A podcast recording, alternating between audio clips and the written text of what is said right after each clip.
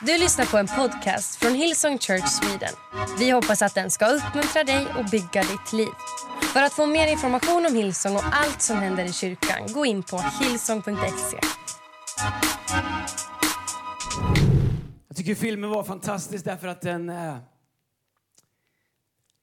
den visar människor som har fått sina liv förvandlade av Gud i relation och kontexten av vår kyrka. Det här vi bygger här, den här lokalen är fantastisk, men en dag så är vi, vi är döda. Jesus kanske har kommit. De kanske ska bygga en fotbollsplan här. Jag vet inte. Men det jag vet är att Guds rike och Guds plan och Guds uppdrag, det går från generation till generation till generation. Och Bibeln säger att vi har ett rike i Guds rike som inte kan skaka.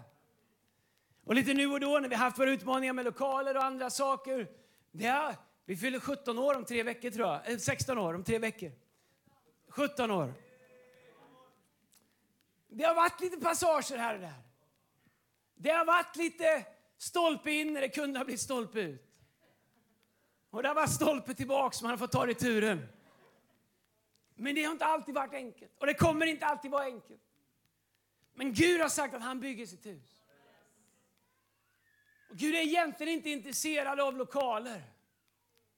Han skapade jorden som han tyckte att den var bra. Då gick vi runt här nakna och bodde i skogen allihopa. Det var, jag vet inte om det var hans första tanke. Men, men Gud är intresserad av platser där människor kan möta honom.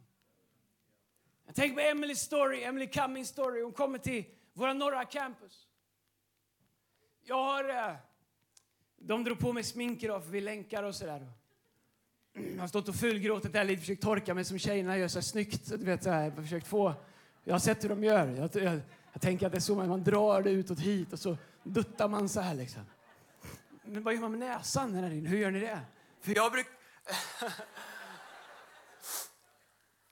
jag tänker, vad är det som kan få en ung människa att tänka hennes liv, att hennes liv inte har ett värde? Vad är det med våran värld? Vad är det som är så skevt med våran skapelse? Att en ung tjej tänker att hon är en börda, att hon inte har en plats.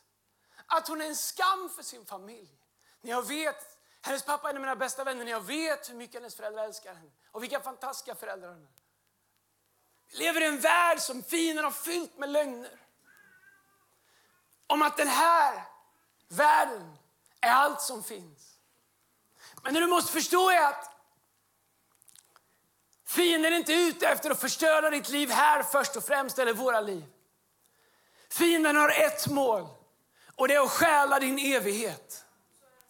Han bryr sig inte om, han vet om att det är några korta dagar. Bibeln säger att våra dagar på jorden är som en dimma. Här idag, borta imorgon. Predikan säger att våra liv är som daggen. Den finns där på morgonen, på eftermiddagen så har den torkat upp. Han har liksom inte dedikerat sig till att förstöra våra korta dagar här. Nej, det är vår evighet han är ute efter. Det är alla människors evighet. För Bibeln säger, Jesus sa, den som tror på mig ska leva även om han dör. Han ska leva i evighet. Vi är skapade som evighetsvarelser. Och när vi är här på jorden så liknar vi Gud och fienden ser Gud i oss. Och en dag ska vi vara med Gud. Bibeln säger till och med att vi ska regera den nya skapelsen tillsammans med Gud. Att vi är Guds söner och döttrar. Och fienden hatar det. Därför att han försökte ta Guds plats, starta en revolt, men blev omkull, han, blev, han blev utkastad. Därför har han svurit sig i Bibeln att stjäla, slakta och förstöra. Och han kommer ta varje öppning i våra liv. Han kommer ta varje öppning i vår kyrka. Han kommer använda allting som går. Vi kan förfasas över hur världen ser ut. Men det som förvånar mig, det är när kristna är förfasade över att världen ser ut som den gör. Det står ju innan till att det ska vara så. I den sista tiden ska kärleken kalla hos de flesta. Bror ska vända sig mot bror, far mot sin son. Släkt mot släkt, människa mot människa. Varför? Därför att fienden vill ockupera oss med andra saker här på jorden så att vi tappar bort att vi är bara här en kort tid. Men vi kommer leva i evighet. Och vad vi gör på jorden kommer definiera vår evighet. Det här huset som vi har målat här inne, vi har lagt mattor, vi bygger kidslokaler och tror inte att det här är färdigt. Vi har bara gjort 10% Vi har så mycket kvar att göra. Så City Church, det här är City Hub eller City Campus, vad vi heter här. Där, vi är liksom inte framme. Vi är inte ens våra stolar, vi har fått låna ihop stolar. Vi har massa kvar. Men vi har möjlighet att skapa en plats i alla våra städer där människor kan höra annat än lögnen som djävulen försöker mata dem med hela tiden. Att det finns ett värde, att det finns ett bättre liv, att det finns kärlek, förlåtelse, upprättelse, att skam och förkastelse inte är det som behöver driva våra liv. Evighet. Och jag älskar att se sista bilden. Med tre generationer Och har hittat Gud. Nej, jag vet att det inte alltid är så. Kanske sitter du här och tänker, åh jag önskar att det var mitt barn. Och jag vet du vad? Gud är inte färdig med dig än. Och Gud är inte färdig med ditt barn än. Och så länge som någon av er andas så finns det fortfarande hopp. Det spelar ingen roll om det är första timmen eller sista timmen. Men Gud tappar inte bort sina söner och döttrar. Vi kanske tror att det är borttappat, men Gud han säger han tappar inte bort någonting. Jag måste in i predikan. Lukas 15 säger att det var en kvinna som tappade bort eh, ett mynt. Hon vände upp och ner på hela huset för att leta efter det. Hon ropade på sina vänner och sa kom och hjälp mig att leta därför att jag måste hitta myntet. Och det är en bild på hur bestämd och committad Gud är till att aldrig tappa bort någon fram till söndag 2023. Varför gör vi allt det här? Och vad är alla de här brandtalen till för? Varför gör vi en framtidssöndag? Idag är starten på vår Heart for the House-säsong 2023. Aldrig har jag haft mer vision än vad jag har just nu. Aldrig. Aldrig har jag sett mer av vad jag tror Gud leder oss till. Men aldrig har det känts mer omöjligt mänskligt. Aldrig har det känt att det här går inte i mänsklig kraft. Det här vet jag inte ens om det finns i kyrkan. Men det fina är att det här är inte min kyrka utan det här är Guds kyrka. Och han vet vad han gör. Men varför gör vi det här varje år? Vi samlade in för oss förra året. Vad förra året var för att rädda dem som vi räddade förra året. Men det finns människor som behöver få göra det igen. Och innan jag hoppar in i min predikan så jag måste berätta en berättelse och Erik är trött på den men Låt mig få öppna med att säga att jag var på tältmöte för ett tag sedan.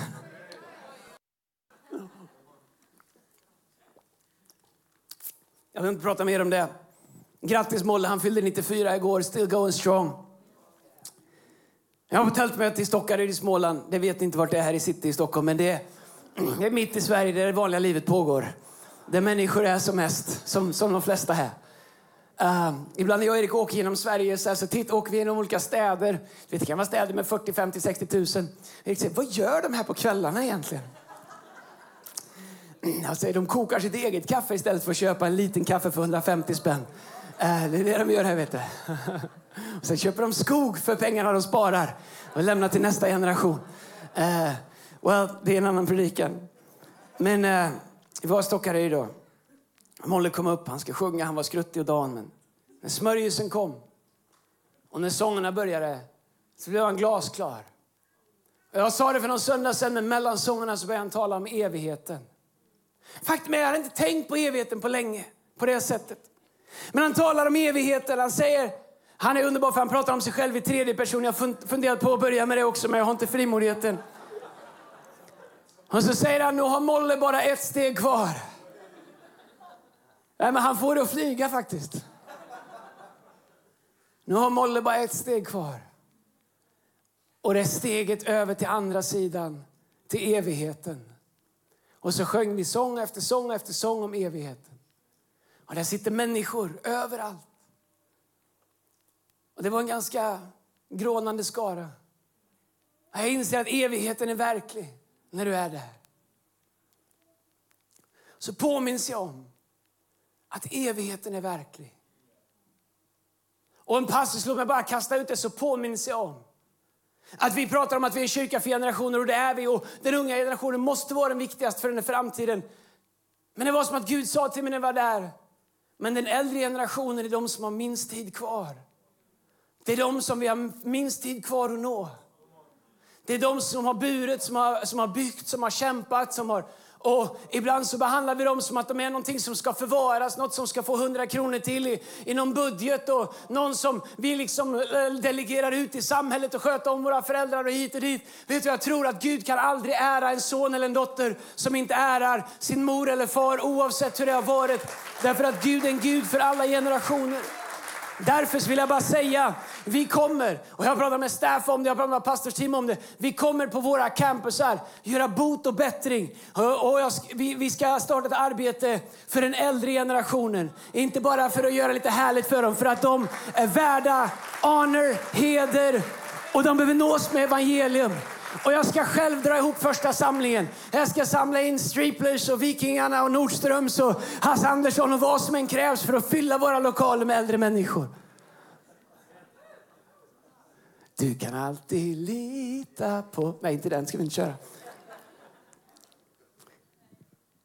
Och så är vi där i tältet och jag måste komma till predikan. Jag vet inte ens om jag får säga det här, men jag säger det så att det är generellt.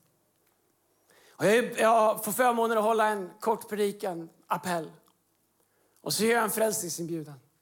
Det här tältmötet var tillsammans med hembygdsföreningar, och, eh, äh, IOGT-NO, alla möjliga saker. Det var mm, massa människor. De flesta, hälften i alla fall, var nog inte troende tror jag. Men de kunde sångerna. Och så gör jag en inbjudan. Det är gamla människor. Jag tänker, undrar om jag connectar här. Men jag hade fortfarande lite dansband i mig. Så gör jag en inbjudan. Vi ber en enkel frälsningsbön. Sen åker jag därifrån på natten. Några dagar senare så ringer en vän till mig som var med och arrangerade det här. Så berättar han för mig. En man som kom på mötet. Och jag tror att jag berättar historien korrekt. Men om någon detalj skulle avvika spelar ingen roll för det är slutet som är det viktiga. En man som är 82 år är där med sin hustru. Som jag förstår så har han vuxit upp i en kyrka. Men någonting hade skett så som ung pojke så hade han lämnat kyrkan. Och han hade syskon som hade bett för honom i alla, alla år. Sen han var en ung pojke och nu är han 82 år. Och han har aldrig kommit tillbaka till kyrkan. Men av någon anledning så valde han och hans fru att komma på tältmöte i Stockaryd. Där vi står där och sjunger. Och en del skrattar lite åt att jag var där, jag tyckte det var underbart. Första gången på årtionden i ett tält i ett litet samhälle i Småland. Några dagar senare så ringer Anders, en god vän som var med och drog det här, han sa Andreas, du kommer inte tro det här. Vet du vad jag precis fick reda på? Det kom en man som var 82 år gammal med sin hustru som inte har varit i kyrkan sedan han var ung. Hans syskon och bröder har bett för honom i alla år och bjudit med honom men han har aldrig velat komma. Nu kom han på kvällen i tältmötet. Och han och hans fru tog emot Jesus. Men lyssna. Två dagar senare så dog han. Två dagar senare. I ett helt liv har hans syskon bett för honom. Men Gud är så god att på en samling som inte är något av det vi gör, det är något helt annat. Så drar Guds ande honom ändå dit. Och vi sjunger de gamla låtarna, jag tycker de är bra allihopa. Vi pratar om evigheten. Och människor som bara har ett steg kvar fattar ett beslut om att lära känna Jesus två dagar innan de dör. Gud tog mig till tältmötet i Stockaryd för att påminna mig om att evigheten är på riktigt. Att den är verklig och att den är våran. Och att det vi gör här i våra liv spelar roll på evigheten. Och hur vi tror och hur vi går på lögnen från fienden. Att det vi bygger här är det som är någonting värt. Och vi tror att tid är någonting som är lovade. Vi tror att det vi har är någonting som vi har skaffat oss med vår egen mäktiga hand. Ändå säger Bibeln att vi inte kan göra något för oss själva. Utan allting är att Gud förlöste oss med sin mäktiga hand. Både här på jorden och i evighet. I Domarboken kapitel 2, vers 10 så står det så här. När hela den generationen hade dött och samlat till sina fäder växte det upp en generation som varken kände Herren eller visste vad han hade gjort för Israel. Tänk vilken tragik att bygga en kyrka. Och när vi är borta så växer upp en generation som inte längre känner Herren och inte längre vet vad Gud gjorde. Den här dagen när vi firar att vi äntligen har fått ett hem eller vi har fått ett hus som vi håller på att bygga om till ett hem. Här i city, som vi firar. Tänk om vi lever våra liv så upptagna med vårt eget, så upptagna med vår success, så upptagna med allt vi ska bygga för oss själva, så upptagna med att springa i det här racet som livet vill lura in i oss och mäta oss mot andra. Så att vi är så upptagna med det, så att generationen som kommer efter inte ens känner Herren och inte ens kommer ihåg eller har glömt vad Gud gjorde för oss. Mina vänner, vi måste leva våra liv med evigheten i sikte. För att annars kommer nästa generation inte känna Gud. Och de kommer inte komma ihåg vad Gud gjorde. Jag har ett ord inom mig som jag burit i flera månader. Som är for the sake of eternity. Jag vet att det är engelska, men utan någon annan som pratar Gud engelska med mig. Det får du prata med honom om. Du kommer förlora den debatten, det kan jag lova dig. Men jag har bestämt mig att mitt liv ska levas for the sake of eternity. Varje beslut jag fattar, varje steg jag tar, vad jag spenderar min tid, vad jag spenderar min ekonomi, hur jag bygger mina relationer, vem jag springer med i livet, vad som är viktigt för mig, vad som kommer först i mitt liv. Därför att om jag inte gör det, om jag inte lever for the sake of eternity, så kommer jag lämna bakom mig en generation som växer upp och inte känner Herren. Och mina damer och herrar, livet är kort, men evigheten är lång. PL, Per Lars Kammis, han sa det bra, evigheten, den är väldigt lång. Den är så lång att den inte har något slut. Och Bibeln säger att allt vad du gör i Predikaren eh, 3 och 11, tror jag att det är, 3 och 10, allt vad du gör, gör, allt vad din hand gör, gör det med kraft för i graven dit vi går. Där kan ingen verka, där kan vi inte längre göra någonting. Evighet. Vad är evigheten för dig? Ja, den är evig. Det är något mål vi svävar runt. Problemet är att vi inte läser Bibeln. Och inte heller jag, tydligen, eftersom jag har glömt bort. Bibeln talar jättemycket om evighet. Bibeln talar jättemycket om himlen. Faktum är att Bibeln talar om att det här nya livet som vi är födda in i gör att vi redan tillhör evigheten, ett annat rike. Och Bibeln beskriver hur vi bor där, Bibeln beskriver vad vi gör där. Bibeln säger att vi kommer få lön där utifrån vad vi gör här. Han säger samla inte skatter här på jorden där mal och annat förstör, utan samla era skatter i himlen där ingenting kan ta dem ifrån er. Rika människor kommer komma till himlen och leva urfattiga och ångra att de under den livstid som var som en dimma gav all sitt fokus till att skaffa rikedomar som inte var kopplade till evighet. Jag har inga problem med rikedomar, tvärtom. Människor som bygger namn för sig själva, status, prestige. Men som inte har något värde i evigheten, för ingenting av det hjälpte människor till evigheten. Kommer upptäcka, det Bibeln säger att vi kommer nakna och utan någonting. Och så får vi leva våra liv i evighet på så vis. Men Gud säger också att vi kan leva våra liv här på jorden. Så att våra liv här på jorden bygger inte bara vår evighet utan andra människors evighet. Så älskade Gud den här världen att han gav den sin enda son så att var och en som tror på honom inte ska gå förlorad utan få evigt liv. Det var ju evigheten som Gud ville komma och ge oss. Det var inte att han ville ge oss ett förbättringsprogram för de år vi lever här. Det var ju det att vi inte hade tillgång till evigheten som Gud ville ordna. Så Jesus kom för att ge oss access till evigheten som vi hade lämnat i lustgården. Oh min Gud, hjälp mig att predika fortare. Men jag tror att vi har glömt det viktigaste perspektivet här på jorden.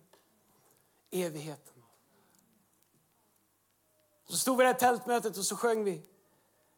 Men på andra sidan floden en härlig dag och vid sista gränsstationen finns också jag.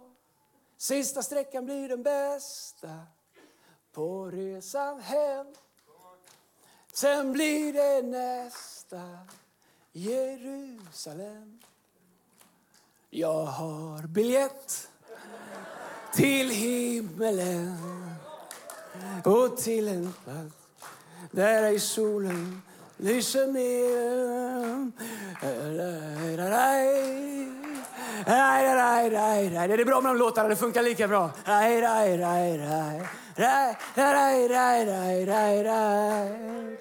Men på andra sidan floden en härlig dag och vid sista gränsstationen finns också jag. Därför att sista sträckan blir den bästa. Kom on Göteborg, ni kan det här! På resan hem. Sen blir det nästa Jerusalem. Underbara land, hur jag längtar efter dig på den sälla strand... Okej, okay, ni kan ni vet. Jag tror att jag ska... Jag tror att Gud kallar mig att göra tältmötesturné igen. Folkets park för Jesus. Come on somebody. Är det någon mer än jag som kan följa med och hjälpa mig? Eller är det bara människor som dricker svårt kaffe här?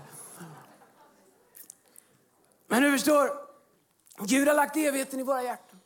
Jag tror att Gud har skapat in en längtan till evigheten i varje människa. Faktum är att i Predikan kapitel 3, vers 11 så står det så här. Allt har Gud gjort skönt i sin tid. Också evigheten har han lagt i deras hjärtan. Vems hjärtan? Alla som är skapade, de som tror och de som inte tror. Men människan kan ändå inte, ändå inte fatta Guds gärningar från början till slut. Vet du vad jag tror? Jag tror att Gud han har lagt evigheten i människors hjärtan. Och så mycket av vår ångest, så mycket av vår förvirring här på jorden har att göra med att vi inte förstår att det finns någonting av Gud som är inlagt, skapat i oss. Att Gud har lagt in evigheten i våra hjärtan. Och sen så lever vi i en värld som säger till oss, lev bara för dig själv. Lev för idag. Lev kortsiktigt. Tillfredsställ dig själv. Ta vad du kan få. Men så är det något som drar på insidan av oss som säger, men vet du vad? Det finns mer. Det finns en evighet inlagd i dig. Gud har lagt evigheten i ditt hjärta. Varför säger människor ja till Jesus som aldrig någonsin gjort det tidigare? Därför att någonting sker när anden helt plötsligt öppnar dörren till det som Gud har lagt i varje människas hjärta. Och mina damer och herrar, vår viktigaste uppgift det är att hjälpa människor att förstå att Gud är en evig Gud och de har en plats med honom och att evigheten finns inlagd i deras hjärtan. Och varje människa i mitt liv som jag möter är någon som Gud har tänkt att jag ska hjälpa upptäckare. upptäcka det. Men om jag lever för mig själv så kastar jag bort min evighet och jag hindrar människor från att någonsin komma in i deras. Gud har lagt evigheten i allas hjärta. Maximus i filmen Gladiator, han sa det så bra att det borde varit i Bibeln. Han sa what we do in life echoes in eternity. Det är bra alltså. För Gud är en evig Gud. Och lyssna, allt Gud gör. Så vi måste förstå, jag tror att det här är jätteviktigt att förstå. Allt Gud gör, precis allting som Gud gör, minsta lilla detalj, vardagliga detalj. Allt Gud gör är kopplat till evigheten. Allting som Gud har anförtrott oss som efterföljare är med evigheten som syfte. Kläderna jag bär, bilen jag kör, där jag bor, det jag jobbar med, de gåvor, allt, allt jag har. Det har Gud anförtrott mig med evigheten i syfte. Så frågan jag måste ställa mig själv. Är det så jag hanterar det? Är det så jag lever? Med det jag har? Eller hoppas jag bara att det här ska blessa mig när jag är här? Too blessed to be stressed. Eller har jag ett större perspektiv? Av varför Gud har anförtrott mig de här sakerna frälsning, mina gåvor och talanger, mina ägodelar, mina händers verk, min välsignelse, min favör, mina relationer, mitt inflytande, de människor jag möter. Allt det har Gud gett mig med evigheten som syfte. Guds kallelse till varje efterföljare av hans son Jesus Kristus är att leva med samma evighet i fokus som Gud har frälst oss till. Och om mitt liv inte syftar till den evighet som Jesus gav sitt liv för att varje person ska få uppleva, då har jag missat målet med mitt liv. Spelar ingen roll hur bra det går. Då har jag missat målet med mitt liv. Allt i mitt liv som jag kan uppnå eller som, jag, eh, eller som, eh, som inte tjänar evigheten kommer en dag vara bortkastat. Allt det är något som en dag kommer gå förlorat. Men allt som är kopplat till evigheten det kommer ge en rik lön och det kommer leva för evigt och det kommer välsigna människor hela vägen in i evigheten. Och jag tror att så mycket av meningslöshet som finns i mänskligheten kommer av att den dimma som Gud beskriver är det vi har gjort till allt som finns. Matteus 16 och 25 så säger Jesus, för vad hjälper en människa om hon vinner hela världen men till slut förlorar sin själ? Eller vad kan en människa ge till lösen för sin själ? Inte kan jag komma till Gud och säga, Gud, jag har en pickup, det är ett bra flak, du kan lasta mycket på den. Kan vi trada? Kan jag få komma in så kan du ta min pickup? Den är dieselskatten ändå så hög nu så jag har ändå tänkt sälja. Förstår du? Det går inte att deala med Gud. Vad kan vi ge till lösen för vår själ? Men det vi kan göra är att förstå att Jesus redan har gjort allt som behövs och resten mitt liv vill jag leva så att alla människor, tänk att komma till himlen en dag och få kliva över gränsen och se människor stå kvar och säga, men Andreas, vi har ju umgåtts hela livet, du har aldrig sagt någonting. Varför sa du inte att det fanns något sånt här? Vi har jagat ihop, vi har tittat på sport ihop, vi har skojat ihop, vi har växt upp ihop. Aldrig har du sagt någonting. Vi har bara pratat bilar och båtar och jobb och aktier och skönans moster. Aldrig har du sagt någonting om att det fanns någonting. Jag vill aldrig komma dit. Jag vill att människor som blir länkade till mig ska bli länkade till evigheten.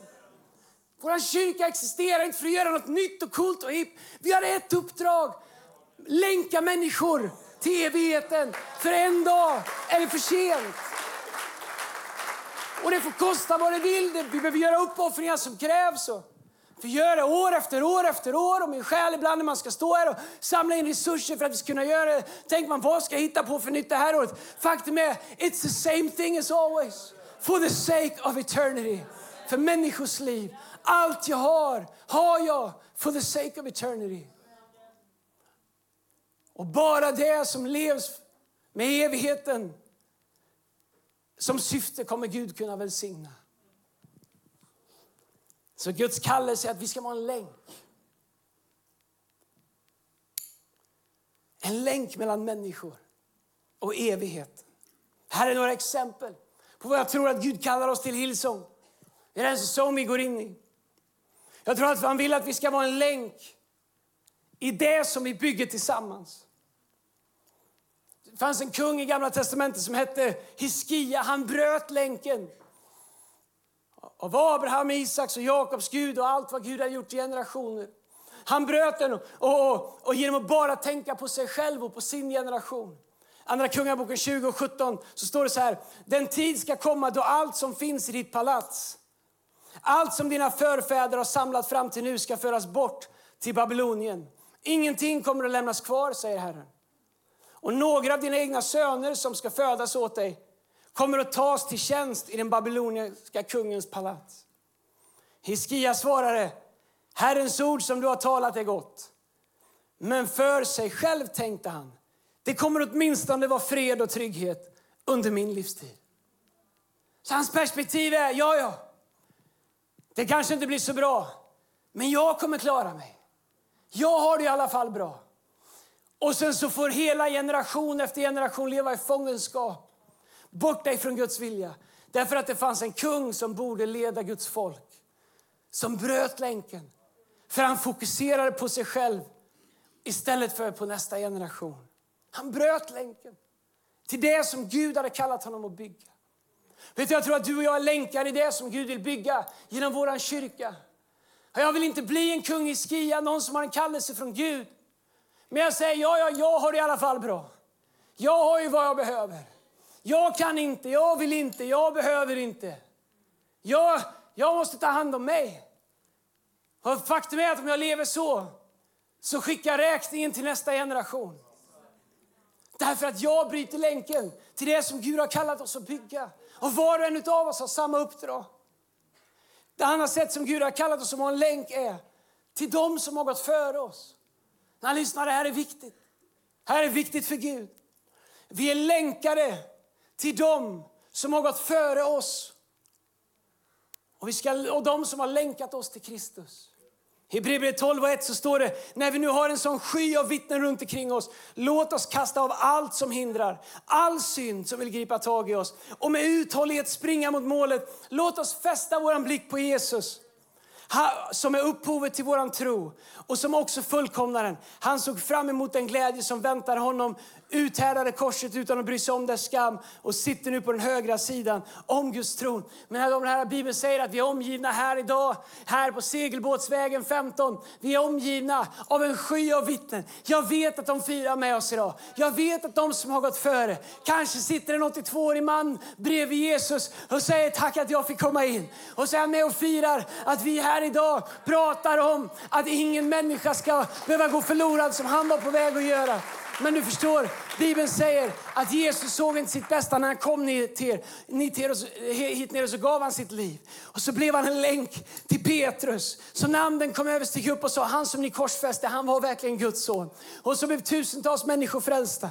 Och sen så romarna eh, skingrade dem ut i hela Jerusalem, livrädda för dem. Men så spreds evangelium och vart de än gick apostlarna så spred de evangelium innan de dog martyrdöden. Men överallt där de var så länkade de in människor till det här som började med Jesus. Och generation efter generation så har evangeliet burits av människor som har förstått att jag är en länk i någonting som går hela vägen tillbaks till Golgata. Och när jag nu lever 2000 år senare så kan jag inte ta min länk och säga att den bara handlar om mig, om min success, om hur det går för mig. Jag har ett ansvar att inte bryta länken därför att jag har en tro idag för att det fanns människor innan mig som nu är en sky av vittnen som säger hej, bryt inte länken.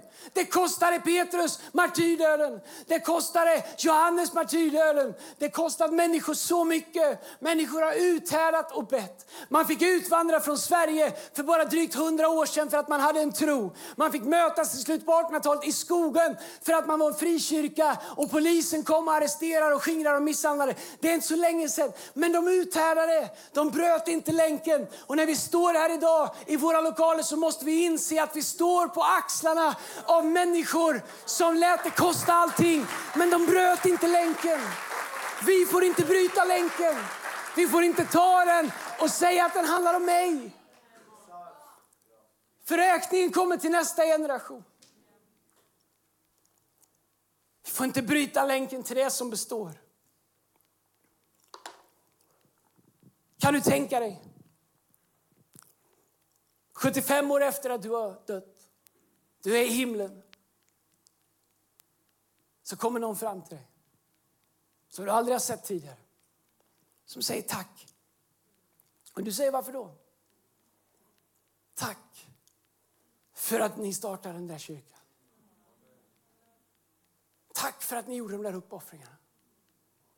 Tack för att ni la matta hela nätterna för att komma in i city. Tack för att allt som har gjorts i våra norra campus, Göteborg, Jönköping, Broman. Tack för att ni vågade. Tack för att ni höll ut. Tack för att ni höll fast. När det var som minst populärt att vara kristen. Tänk att den här personen säger till dig, 25 år efter att du dog, så gick jag in i en av kyrkorna som du hade varit med och byggt. Och på grund av vad du gjorde under din livstid för 75 år sedan när du dog, så är jag idag hos Jesus. Du förstår, det vi bygger, det är av evighet. Tänk att få vara i himlen. Och någon kommer och säger, hej, du vet inte det här. Du har varit hos Jesus i 75 år.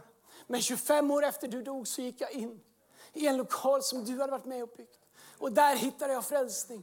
Där hittade jag Jesus. Där har min familj vuxit upp. Där har mina barn hittat en tro. Bara för att du var villig att göra din del. Men om vi bryter länken så kommer de inte ses i himlen. Då kommer de behöva samlas någon annanstans, borta ifrån Fadern. Och om våra liv... Får en, jag måste fulgråta, jag har en trasa. Ta den, jag har den tillbaka.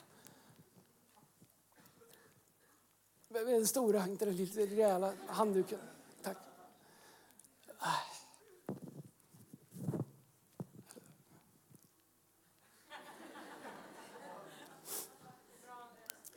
Om du vill ha Guds välsignelse över ditt liv, lyssna jag är nästan klar. Om du vill ha Guds välsignelse över ditt liv, om du vill ha Guds smörjelse över ditt liv, då måste du bry dig om det Gud bryr sig om allra, allra mest. Det är enda chansen. Och vad Gud bryr sig om allra mest, mer än någonting annat, det är alla sina förlorade barn. Mer än något. Mer än något annat. Alla sina förlorade barn. Han lämnar 99 för att hitta ett. Han vänder upp och ner på ett hus för att hitta ett förlorat mynt.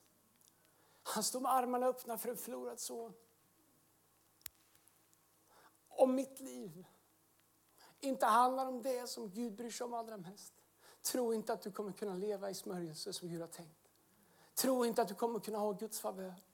Tro inte att den välsignelse som Gud har tänkt kommer kunna vara som Gud har tänkt i ditt liv. Men när du kopplar ditt liv, när du länkar ditt liv till det som Gud bryr sig om allra mest. Sina förlorade barn, sina förlorade söner och döttrar. Så kommer du upptäcka att allt vad Gud har, det kommer Gud ge in i ditt liv. Och det bästa sättet att använda våra liv, det är att investera det i någonting som kommer bestå. Det finns en sång som heter Du får ingenting ta med dig dit du går. Det är absolut sant. Men vi kan investera våra liv i någonting som består. Och det enda som kommer bestå, det är församlingen, kyrkan, det är Guds familj, och det är Guds rike. Oavsett vad vi gör i våra vardagar och det kan se olika ut. Men om vårt mål långsiktigt, det som driver oss, inte är kopplat till det som betyder mest för Gud. Då kastar vi bort våra dagar. Det andra som Gud vill ska vara länkade till det är människors frälsning. Alla människor har evigt liv inom sig, sa vi tidigare. Men vår uppgift är att länka dem till Kristus. I Apostlagärningarna kapitel 13, vers 48 säger Bibeln så här. När hedningarna hörde detta blev de glada och prisade Herren, eh, Herrens ord och kom till tro. Alla som var bestämda till evigt liv. Gud vill använda oss. Men Gud vill också att vi ska vara länkade till våra städers bästa. Vi, är liksom ingen, vi bygger inte liksom en introvert liten rörelse med ryggarna ut mot samhället. Tvärtom. Gud älskar sina städer, Gud älskar människor. Städernas problem måste vara våra problem. Och Bibeln säger i, i att vi ska vara länken mellan honom och våra städer, att kyrkan är länken. Jeremia 29, vers 7 så står det Sträva efter stadens bästa dit jag har sänt er i exil. Be till Herren för den, för dess välgång är er välgång. Vi är en länk. Jag är trött när jag hör kristna prata om hur hemskt det är med alla skjutningar. Ja, det är hemskt. Jag är trött på att höra om hur dåligt det är med allting. Vet du varför det är dåligt? För vi har glömt bort att vi är länken. Eh, vi får inga bidrag. Bidrag! Han har gator och guld. Han har smaragder i dörrpostarna.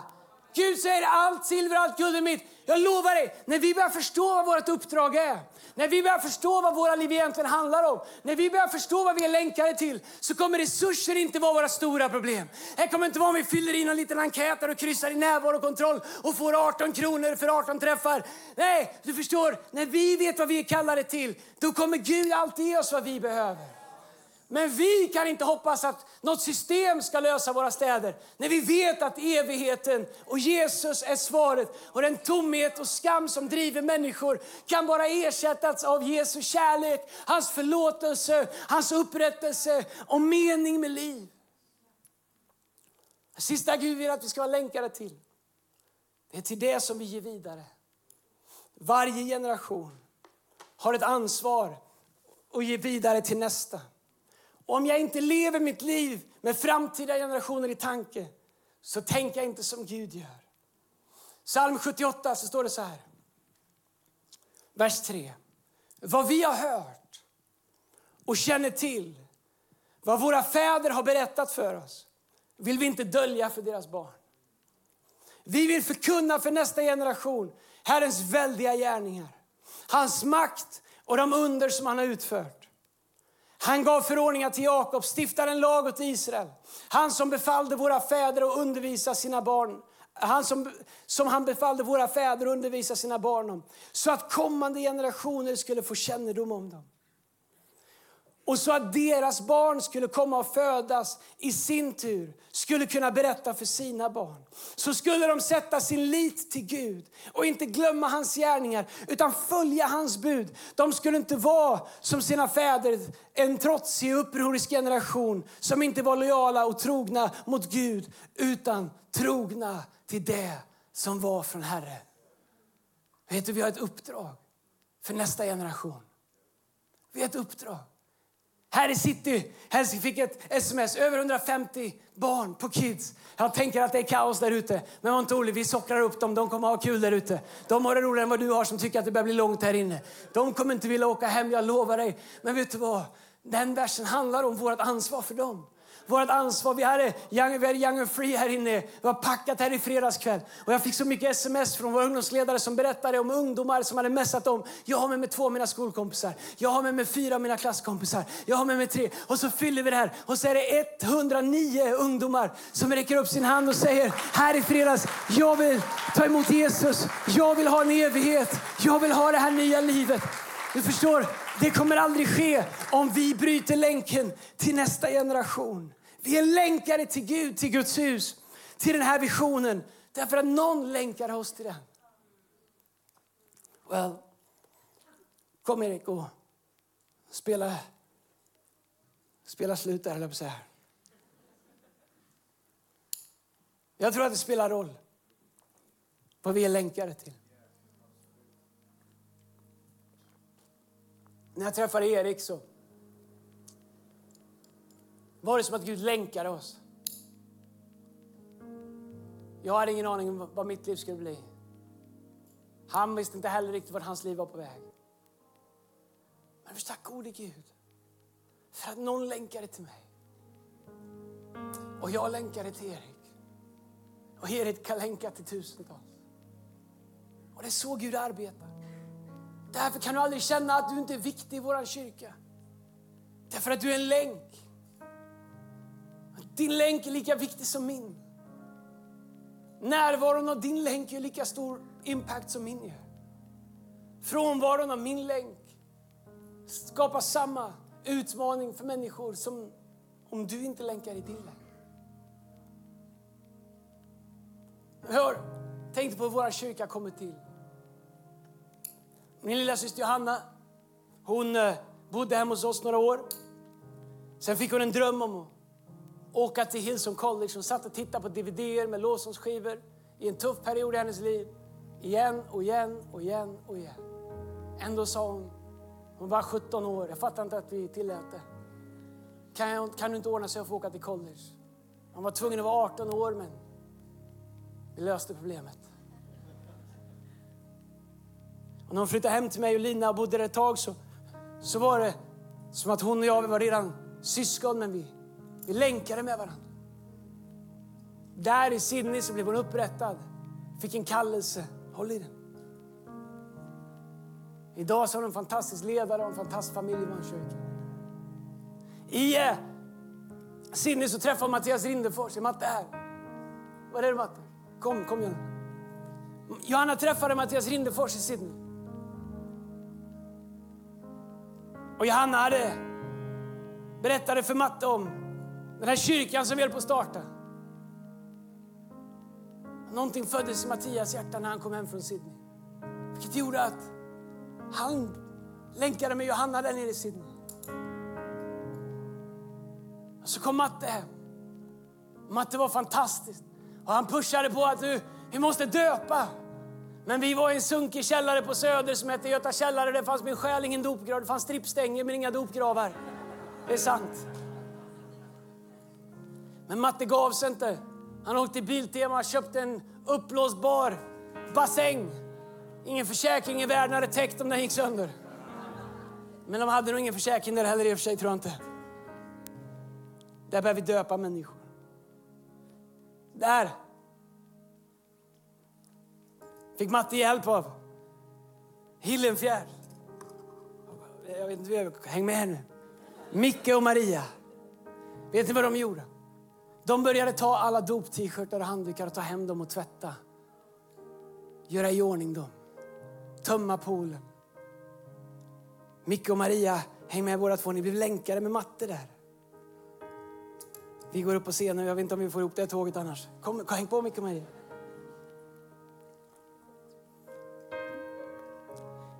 Och grejen var att där när vi började döpa så fanns det en tjej som var helt fantastisk. Hon är fortfarande helt fantastisk.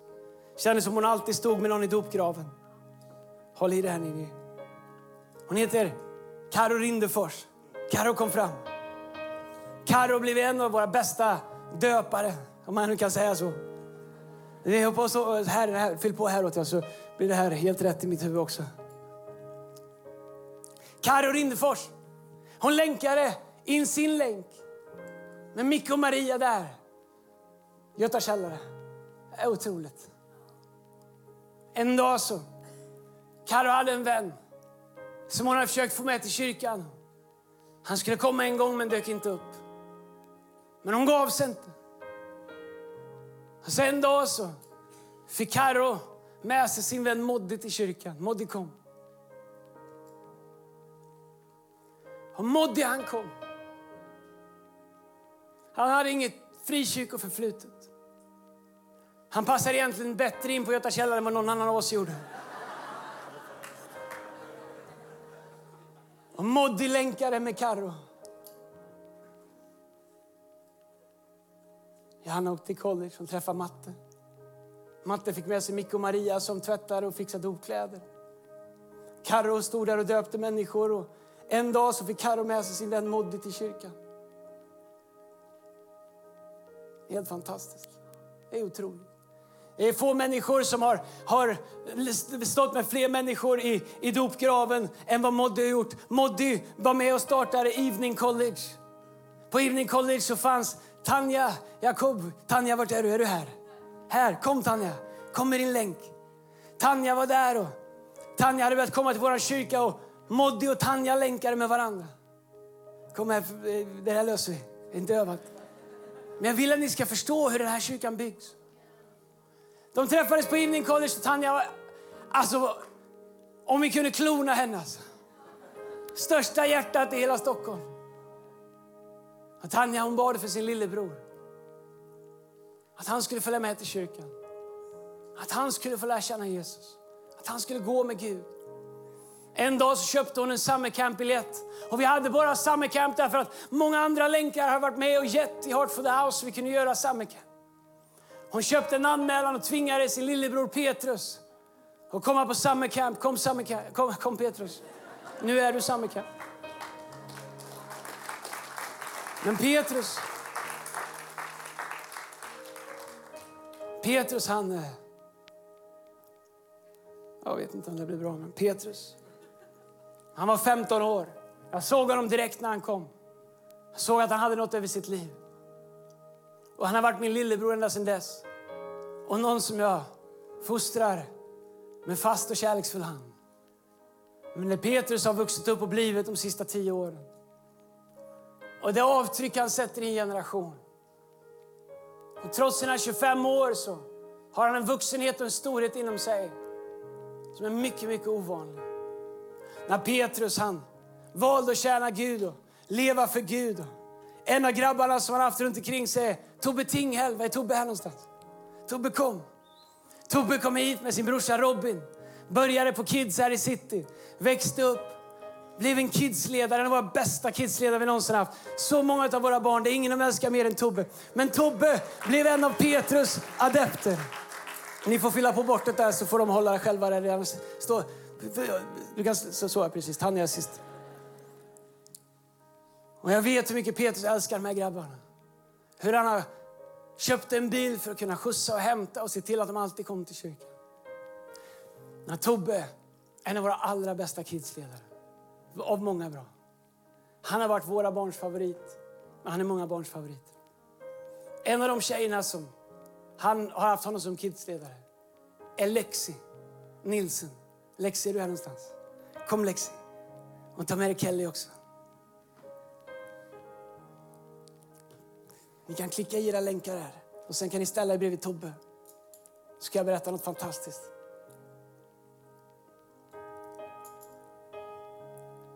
Ja, det är bra.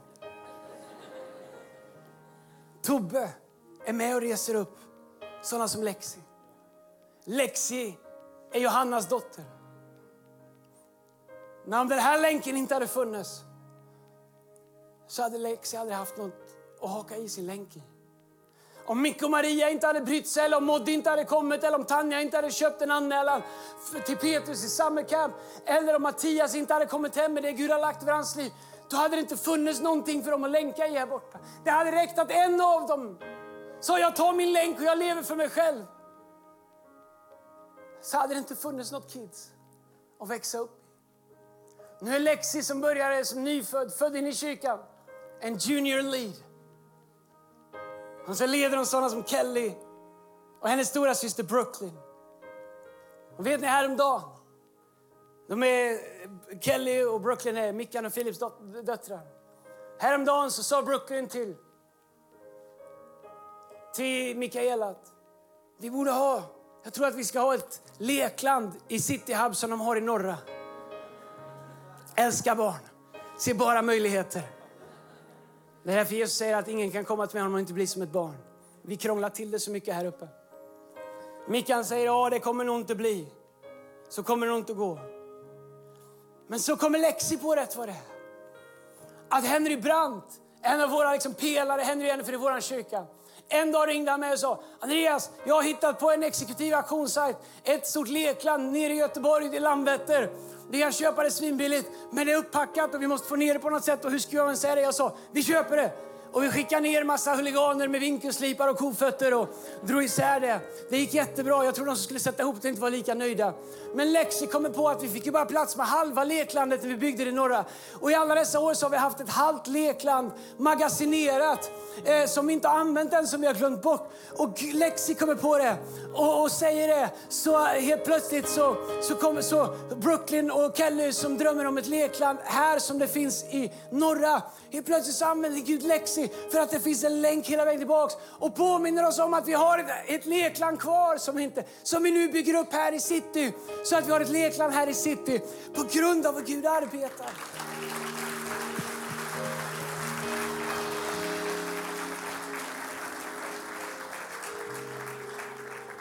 Jag skulle kunna gå till oss var och en.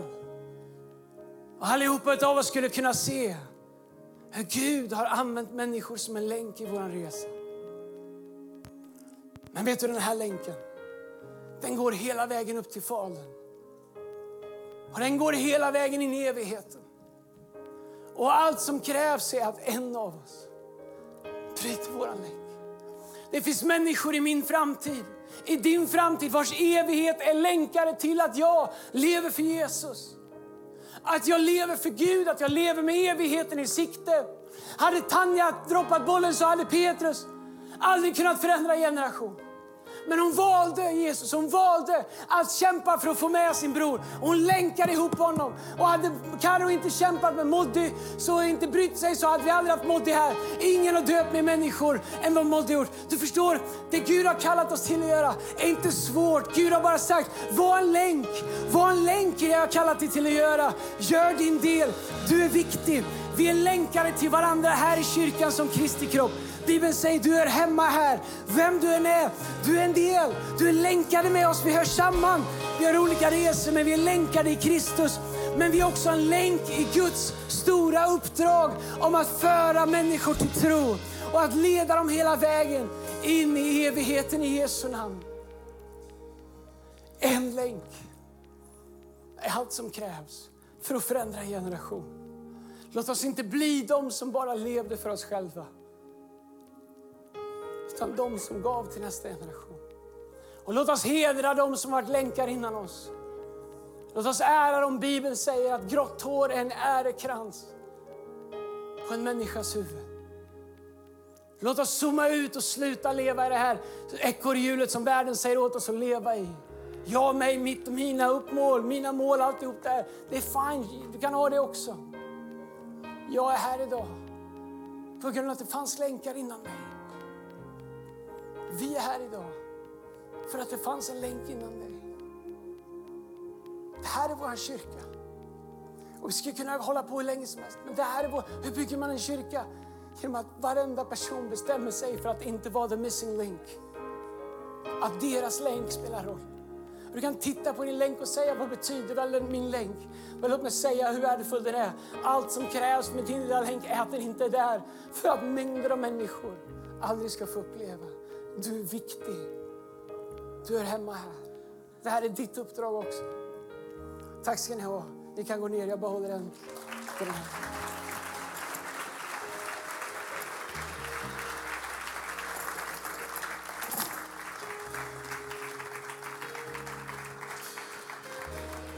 Här är vad vi ska göra. Vi är nästan klara. Bevara stillheten. Gå ingenstans. Kan vi resa oss upp som en del av mötet? För vi kommer göra vad jag tror är en profetisk handling på alla våra campus. Ni vet att jag inte slänger mig med massa överandliga ord. Men jag upplever att det här är en profetisk handling vi ska göra nu. Vi har tryckt upp mängder av sådana här länkar. Här på har vi ingraverat